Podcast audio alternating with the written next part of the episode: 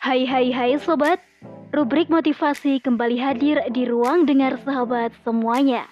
Tentunya masih bersama saya, Dewi Fitriana. Rubrik motivasi kali ini berjudul Yuk berbenah, jadikan Ramadan sebagai junah oleh Anna Nazaha. Hai Besti, apa kabar ibadah Ramadannya? Masih semangat sebagaimana di awal kan? Jangan sampai deh teralihkan dengan perkara sepele. Godaan berburu pakaian untuk hari lebaran misalnya. Di mana pasar-pasar, mall, dan toko-toko di pinggir jalan sekarang padat dengan mereka yang berburu barang-barang yang katanya sih untuk persiapan lebaran.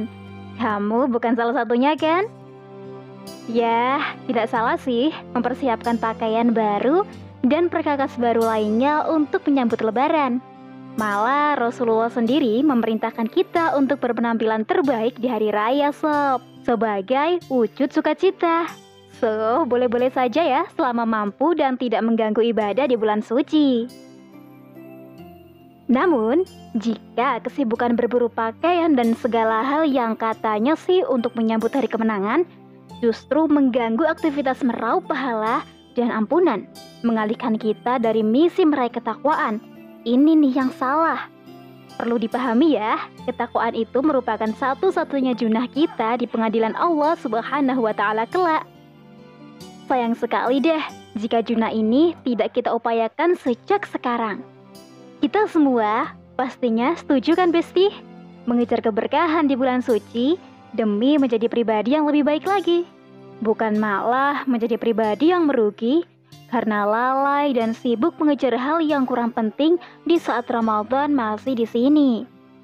Toh, kita bisa kok membeli segala pernak-pernik perkakas dan segala perlengkapan rumah tangga dan yang semisalnya itu di luar Ramadan, ya kan?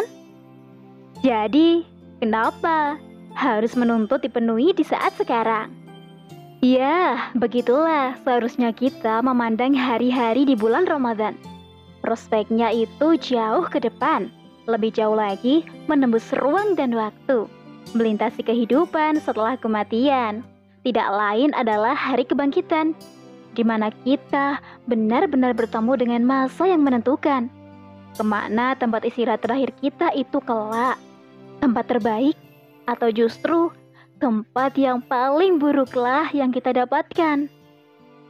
Semua itu harus menjadi pandangan hidup kita sebagai Muslim yang sadar akan tanggung jawabnya sebagai hamba.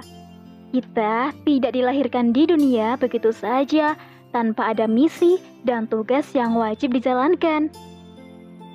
Tentu Allah telah mengutus Rasulnya untuk menjelaskan Al-Quran dan syariatnya untuk dipatuhi segala apa yang terkandung di dalamnya, semata agar kita selamat hidup di dunia serta di akhirat kelak. Orientasi dari seluruh amal dan sikap patuh tersebut tidak lain adalah takwa besti. Takwalah yang wajib menjadi dasar bagi setiap insan beriman untuk melihat dan memandang kehidupannya.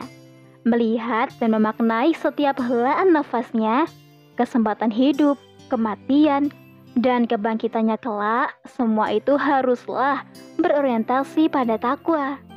Karena takwa adalah junah. Takwalah satu-satunya alasan seseorang dianggap layak menjalani status hamba terbaik. Takwa juga yang kelak menjadi dasar pertimbangan amal seseorang diterima atau tidak. Begitulah takwa menjadi perisai bagi setiap manusia untuk menghindarinya dari azab yang pedih sebagai balasan pilihan-pilihannya di dunia.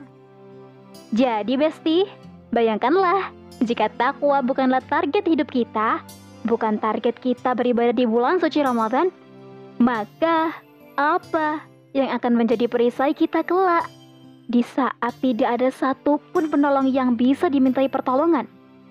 Ayo deh kita renungkan Mungkin kamu bertanya-tanya, Besti, kenapa ya keinginan hati seringnya tidak sinkron dengan cita-cita?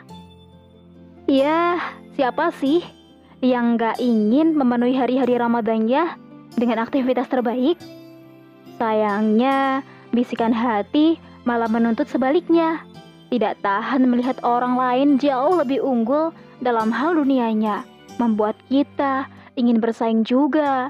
Yang akhirnya malah melupakan niat awalnya mengisi Ramadan itu dengan aktivitas terbaik. Ini terjadi tidak lain karena cara pandang kita terhadap dunia dan kehidupan ini belumlah seutuhnya menggunakan kacamata Islam. Akibat pemikiran kita yang masih tercemar oleh ide-ide lain yang notabene bertentangan dengan Islam, seperti ide pluralisme, hedonisme, dan liberalisme yang lahir akibat kecintaan kita terhadap dunia yang berlebihan.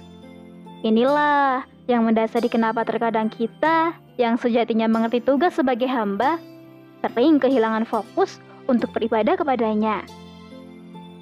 So, solusi untuk mengakhiri sikap pelin-pelan kita dalam bertindak dan sikap ketidakistiqomahan dalam menjalankan ibadah agama adalah dengan membetulkan cara pandang kita tentang kehidupan.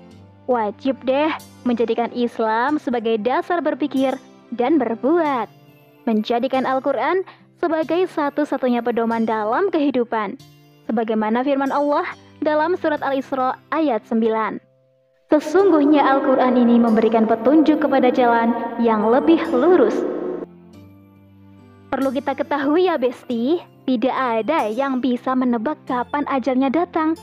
Kapan waktu hidupnya di dunia ini akan berakhir. Tidak ada. Hanya saja kita melihat Umur bukanlah ukuran seseorang berjumpa kematian. Karena kenyataannya, ada yang Allah jemput di usia tua, ada pula di saat muda. Karena kita tidak tahu kapan waktu perpisahan itu tiba, maka sudah sepatutnya kita awas diri. Tidak boleh jemawa karena usia muda dan berpikir tak apa jika Ramadan kali ini disia-siakan begitu saja.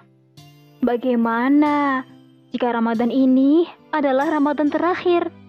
Yakin jika tidak menyesal karena telah menyanyiakannya.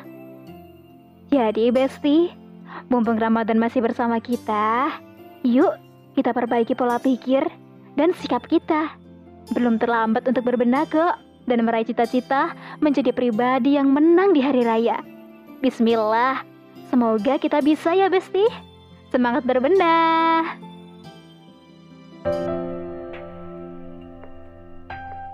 Oke deh, sampai di sini dulu rubrik motivasi kali ini. Sampai jumpa di rubrik motivasi selanjutnya. Tentunya di podcast Narasi Pos, cerdas dalam literasi media, bijak menangkal peristiwa kunci. Bye-bye.